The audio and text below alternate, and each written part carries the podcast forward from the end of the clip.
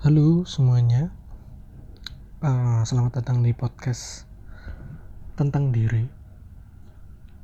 Uh, podcast ini dibuat karena uh, didasari karena aku dulu pengen jadi penyiar radio, tapi tidak tersampaikan sampai hari ini, detik ini.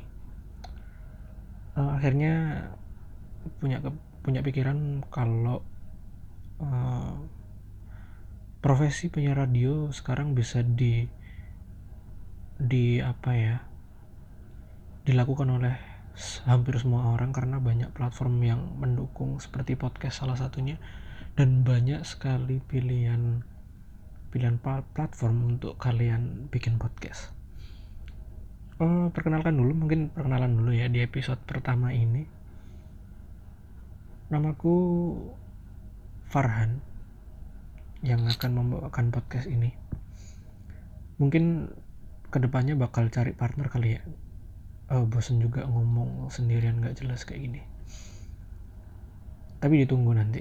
Uh, nyari partner juga gampang-gampang susah. Karena sebenarnya podcast yang apa ya yang cukup banyak didengar itu podcast komedi sebenarnya. Ada uh, ada di aplikasi Noise kalau nggak salah tuh ada Deddy Corbuzier. Dia uh, judulnya tuh Deddy's Issue kalau nggak salah. Dia bahas tentang psikologi dan macam-macam lah. Cukup serius. Cukup serius pembahasannya tapi yang trending di noise tetap trio Kurnia. Tiga bapak-bapak lucu gitu. Jadi kalau mungkin mau podcast ini trending ya mungkin bakal cari partner sih. Bakal cari partner. Karena kalau kalau berkomedi sendirian tuh nggak ada yang mancing nggak ada yang ngepunch tuh susah banget kayaknya. Ya itu pengantar. Sebenarnya di di episode pertama nih pengennya jadi gini perkenalan dulu. Uh, umurku sekarang masih 22 tahun. Tapi pengen banget dari dulu dari SMP pengen jadi penyiar. 22 tahun sekarang dan belum jadi penyiar radio. Nah sebenarnya tuh uh, kita aku pengennya di yang dibahas tuh kan kan sekarang lagi aku lagi ngejalanin semester akhirnya di kampus di salah satu kampus swasta di Surabaya ya salah satu yang terbaik lah di di skala nasional. Mengambil fakultas hukum. Gimana? Cita-cita pengen jadi penyiar radio tapi ngambilnya fakultas hukum. Sebenarnya bukan itu poinnya. Poinnya jadi penyiar radio kan uh, ilmu komunikasi menyampaikan sesuatu dengan lisan itu salah satunya kan itu. Tapi kita bahas mulai dari karena semester akhir jadi uh, aku pengen throwback aja sih throwback waktu awal-awal masuk kuliah. Gitu kali dan sorry banget kalau podcast ini agak garing karena belum ada bumper gitu-gitu ya. Dan jangan berharap berharap komedi dari podcast ini karena saya sendirian nggak ada yang nggak ada yang mancing untuk untuk untuk ngepans gitu. Oke masuk di salah satu universitas swasta di Surabaya. Bukan ya memang universitasnya bagus banget secara prestasi dan macam-macam. Tapi bukan karena itu. Dan universitasku ini cukup dikenal karena uh, basketnya yang cukup berprestasi. Tapi bukan karena itu masuk di universitas swasta ini. Tapi karena nggak diterima negeri dong gitu jadi saya cukup tolol dalam dalam dunia pendidikan formal. Tapi ya udahlah. Masuk fakultas hukum disarankan oleh kedua orang tua dong siapa lagi?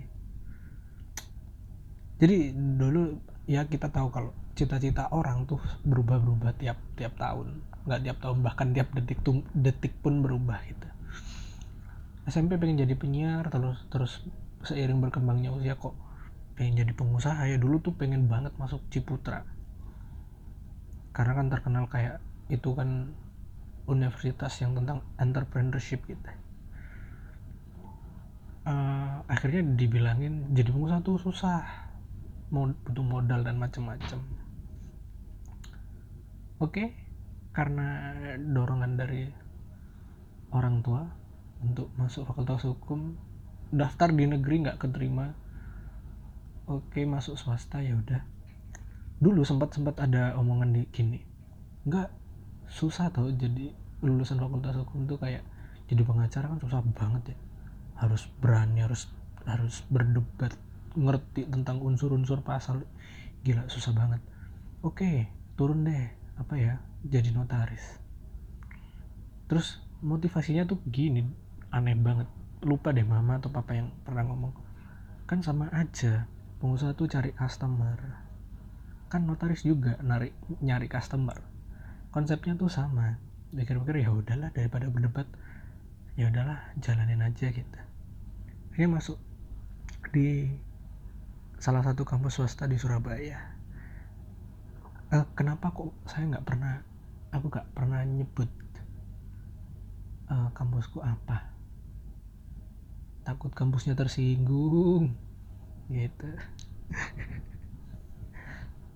Karena karena kayaknya banyak banget pihak-pihak di kampusku tuh entah dari mahasiswanya atau dari apa manajemennya dosen-dosennya tuh yang gampang banget tersinggung. Jadi saya tidak mau menyebut kampus ini. Gitu. Daftar ya jelas swasta ya di Surabaya nggak nggak murah waktu itu berapa ya? Belasan deh belasan juta kok. Hampir 20 hampir 20 juta. Daftar doang nih ya. Hampir 20 juta. Akhirnya uh, masuklah di masa ospek. Semoga kalian masih masih men, apa ya menjamani. Itu bahasa yang benar apa enggak nggak tahu. Menjamani zaman ospek ospek gitu deh fakultasku itu berseberangan langsung sama fakultas psikologi. Waktu hari ospek anak psikologi tuh seneng-seneng banget. Oh, joget-joget nyanyi-nyanyi gitu. Begitu saya masuk ke kayak ada apa ya? Jadi setiap fakultas tuh ada lapangannya sendiri-sendiri. Bukan lapangan sih tapi kayak apa ya? Kayak terasnya gitu kayak gazebo-nya gitu kayak halaman tiap fakultas tuh ada gitu. nah aspeknya tuh di depan halaman fakultas hukum universitas ini gitu. Begitu jalan ke situ tidak ada yang menyanyi tidak ada yang joget. Semua kakak-kakak yang mengospek kita waktu itu mukanya mukanya tuh kayak brimob sumpek ngerti Raini brimob sumpek sumpek lah ngerti jadi menakutkan sekali gitu mengintimidasi cukup mengintimidasi. Akhirnya uh, dibagi tuh kelompok-kelompok. Akhirnya baris sesuai kelompoknya gitu. Aku cuk dulu cukup introvert dulu ya. Sekarang kayaknya enggak deh. Nggak tahu karena apa. Akhirnya enggak seberapa introvert gitu. Di kampus di tongkrongan sih enggak introvert banget tapi di kampus cukup introvert dulu. Uh, baris tuh kan dibagi kelompok A B C D dan macam-macam. Baris? Saya jelas paling belakang dong. Karena jujur tinggi saya kan nggak tinggi-tinggi banget. Yang lain tuh tingginya kayak 175 180 sedangkan aku cuma 160 sekian lah. Jadi di belakang tuh bisa ketutup sinar matahari. Kalau saya di depan kan langsung terpapar matahari ya gitu. Di belakang semuanya uh, semuanya itu takut sama kakak-kakak yang mengospek. Saya dengan santai tidur sambil berdiri sudah kayak TNI nggak gitu. Memang memang bawaannya tuh memang bawaannya tuh apa ya keras kepala mungkin mungkin. Oke lanjut di uh, di hari pertama ospek itu kita baru tahu kalau fakultas hukum itu terkesan dengan warna merah di kampus ini nggak tahu kampus lain. Akhirnya untuk hari berikutnya pada hari itu dari pertama tuh diumumin diumumin tuh. Semua atribut dari baju terus kayak pita dan macam-macam nah, harus warna merah. Ada yang tanya dong kan jadi jargonnya tuh apa ya? We are one atau apa itu? Pokoknya kalau pokoknya itu warna merah dan semua warna merahnya tone tone warnanya tuh harus sama. Intinya gitu. Terus ada yang nanya kak warna merahnya tuh merah apa ya? Kan merah banyak ya ada ada merah marun ada ini ini, ini banyak kakaknya kakak yang ngomong ospek kita cuma bilang merahnya merah hukum. Kan susah ya mendefinisikan merah hukum. Masa kita datang gitu kan ke toko apa toko ospek kalau beli beli pita tuh di mana sih? Apa ya? Ya gitu deh toko ospek lah datang. Mbak mau beli pita nggak baca beli pita gitu ya oh iya kita banyak ada varian warna yang ini ini ini ini ini. Saya mau cari pita warna merah. Oh ini mas ada. Merah. Mbak ini warnanya merah hukum nggak? Wah kan mbaknya juga bingung gitu ya. Ini dikasih uh, banyak tone warna merah. Dari merah tua sampai merah muda mbaknya disuruh pilih mbak yang merah hukum yang mana? Gitu. kan susah. Akhirnya itu yang menurut saya ada kebodohan kebodohan kecil dari kakak-kakak yang mengospek menurutku ya menurutku. Tapi ya udahlah. Setidaknya tuh gini kalau ada yang tanya kak ada uh, merahnya tuh merah kayak apa ya? Dia nyari apa ya uh, uh, ngambil kresek merah gitu. Kurang lebih kayak gini ya gitu. Kan clear gitu. Kalau kita nanya kak merahnya merah apa? Merah hukum. Hui hukum tuh bukan kata benda gitu. Masa ada warnanya? Kita bilang tembok warna putih kayu warna coklat gitu-gitu masih oke. Okay. tapi kalau merahnya merah hukum minimal gini deh merah darah. Oke okay, clear minimal kita bisa masih apa ya masih terkerucut gitu pilihan warna merahnya. Ini nggak merah hukum kan repot. Akhirnya aku beli ya aku beli peralatan ospek itu. Yang meskipun pada akhirnya dibuang ya kan tidak terlalu penting. Hanya beli peralatan ospek dan aku beli peralatan ospek yang warnanya salah. Kan setiap kelompok tuh dikasih kayak perwakilan dari panitia ospek itu deh. Salah satu uh, yang yang kakak yang kakak panitia ospek yang ngurusin grupku ngecek satu-satu dong. Oh iya ini warnanya oke oke oke oke. Saya kan di belakang sendiri. Terakhir. Warna kamu beda oh saya aku bilang aja ke ke panitianya. Mohon maaf kak. Saya kemarin ke toko ospek nanya pita warna merah hukum? Mereka tidak punya. Nah menurut saya merah tuh ya seperti ini gitu. Tapi merahku itu merahnya paling beda sama yang lain. Merahnya tuh merah yang lain tuh merahnya merah MU gitu. Ngerti ya? Merah MU ngerti di sini banyak fans MU mohon maaf. Tapi ini coba sekedar me apa ya mencoba memvisualisasikan aja merahnya kayak gimana yang dibawa sama teman-teman saya. Tapi merahku tuh lebih kayak warnanya uh, bajunya Iron Man ngerti gak sih? Yang yang yang baju besinya Iron Man gitu. Kan lebih lebih gelap gitu. Dimarahin sama kakaknya. Di, kan dikurangin poinnya lah. Terus di depan kakaknya udah udah ngurangin poinku maju ke depan. Terus ada salah satu panitia yang bangsat itu teriak-teriak. Ini kalian katanya satu kan jargonnya we are one atau apalah. Katanya kalian satu tapi kenapa masih ada teman kalian yang pakai warna pitanya salah gitu nggak sama sama kalian gitu. Beda sendiri dia gitu. Terus anak-anak pada ngeliatin saya dong.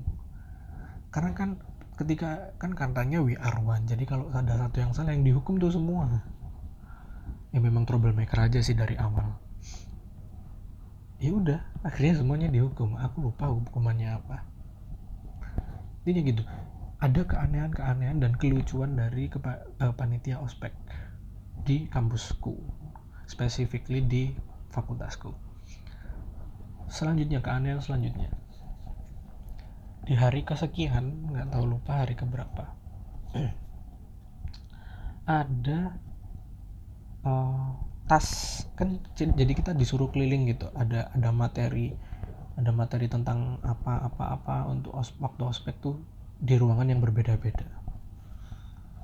Waktu itu uh, aku lagi nerima materi tentang apa ya KSM KSM mungkin KSM tuh kayak kayak ekstrakurikuler tapi di dalam fakultasnya gitu. Jadi jelasin kakaknya tuh di di dalam satu ruangan tuh jelasin tentang ada uh, eh, KSM futsal gitu gitu basket volley dan macam-macam setelah itu aku kebelet pipis. Izin dong kak saya mau ke kamar mandi mau pipis. Oh iya silakan turun. Jujur nih ya aku nggak ngeh waktu turun tuh karena toiletnya tuh di bawah gitu kan. Harus turun terus di tangga tuh ada tas punya punya anak yang ospek juga. Jadi mungkin punya temanku gitu. Nggak sadar tuh terus aku pipis ke toilet udah naik lagi. Terus sampai setelah itu mau mau pulang nih mau closingan hari itu mau closingan ospek hari itu. Turun dong. Terus baris lagi di halaman fakultas itu. Terus ada satu kakak-kakak yang aku bilang bangsat tadi teriak-teriak lagi. Kalian ini nggak punya rasa solidaritas gitu katanya. Dikira partai bangsat. Ya kan? Kalian nggak punya rasa solidaritas. Tujuan kita uh, mengadakan ospek ini untuk membuat kalian tidak apatis gitu kan. Saya kan tidak merasa kalau saya apatis pada waktu itu. Karena aku jujur aku gak ngelihat. Sumpah cok aku gak delok ono tas di tangga aku gak delok aku cok setelah itu uh, si kakak-kakak bangsat yang teriak-teriak tadi bilang ayo ngaku tadi siapa yang merasa apatis? Karena saya tidak merasa ya saya diam aja dong. Sambil neduh gitu kan teman saya di depan tinggi. Gitu. Dipanggil. Udah ngaku aja gini gini gini gini. Sama kakak kakak panitia yang ngurus kelompokku. Aku disamperi. Eh kamu itu masa kamu nggak ngerasa? Hah, saya apatis ya sudah saya maju. Maju dulu di sebelah kakak-kakak yang suka teriak-teriak ini nggak tahu dia teriak-teriak mungkin apa dia? Kenapa suka teriak-teriak? Mungkin dia fakultasnya dulu sebelum eh, SMA-nya dulu sebelum masuk fakultas hukum SMA-nya SMA Tarsan mungkin dia suka teriak-teriak goblok banget deh.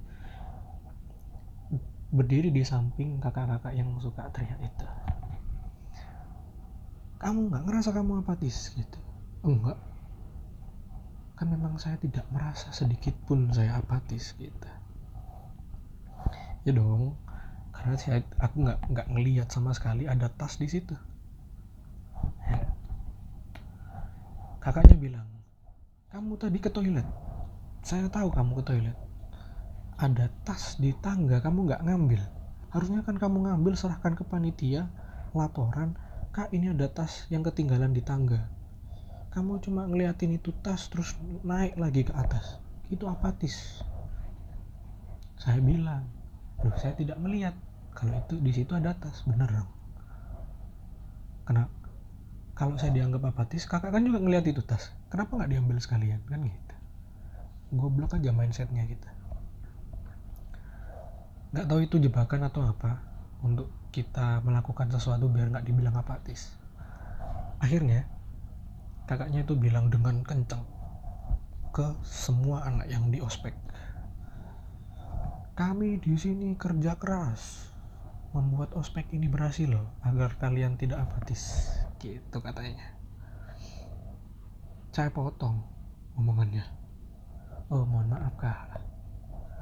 Kalau ospek ini tujuannya untuk membuat kita nih anak yang di ospek itu tidak apatis.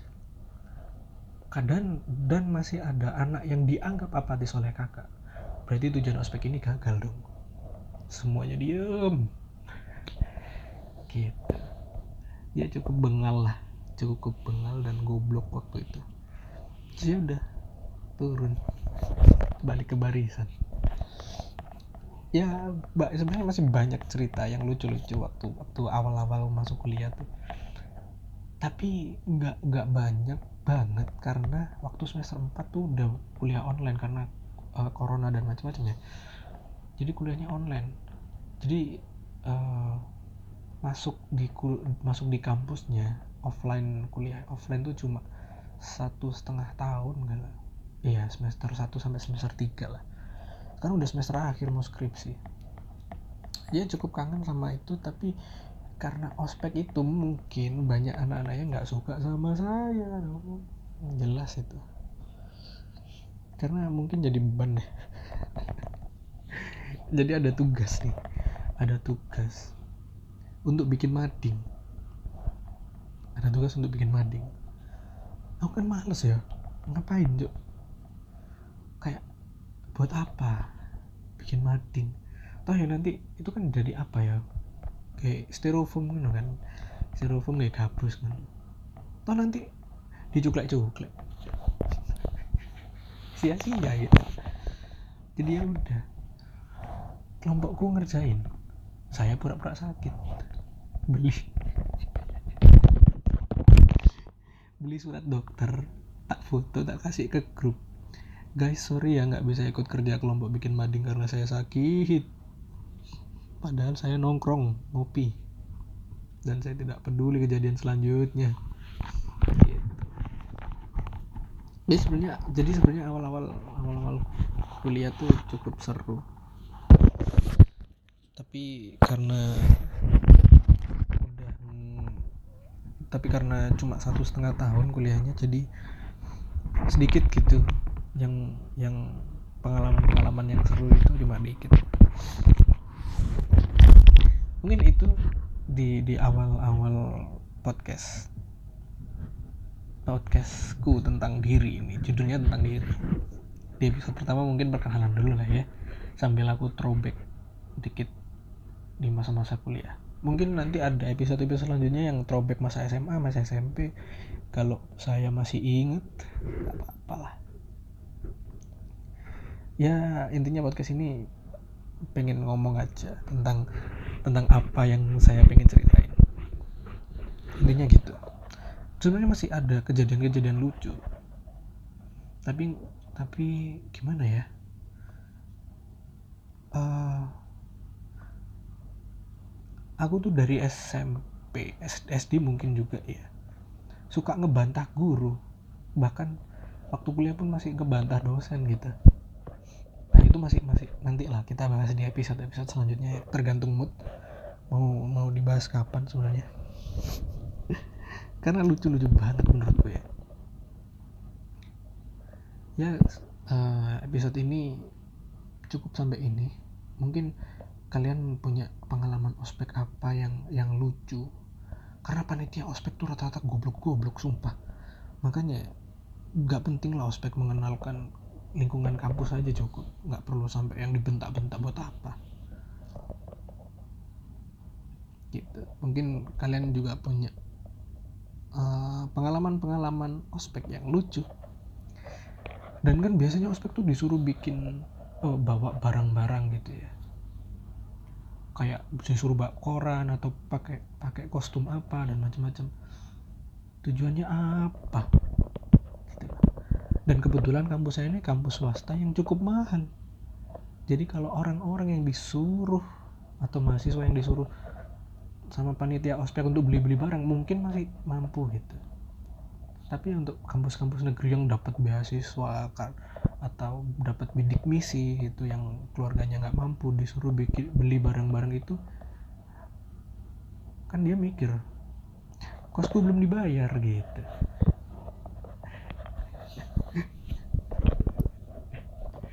Tiap hari makannya cuma nasi sama kecap tapi disuruh beli barang sama kakak panitia ospek.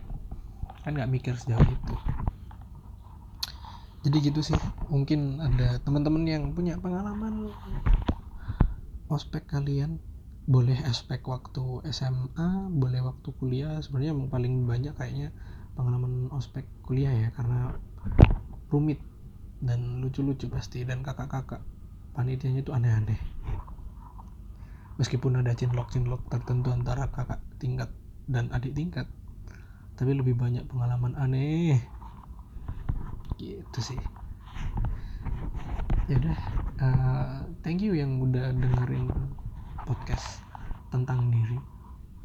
See you di podcast podcast tentang diri episode selanjutnya. Bye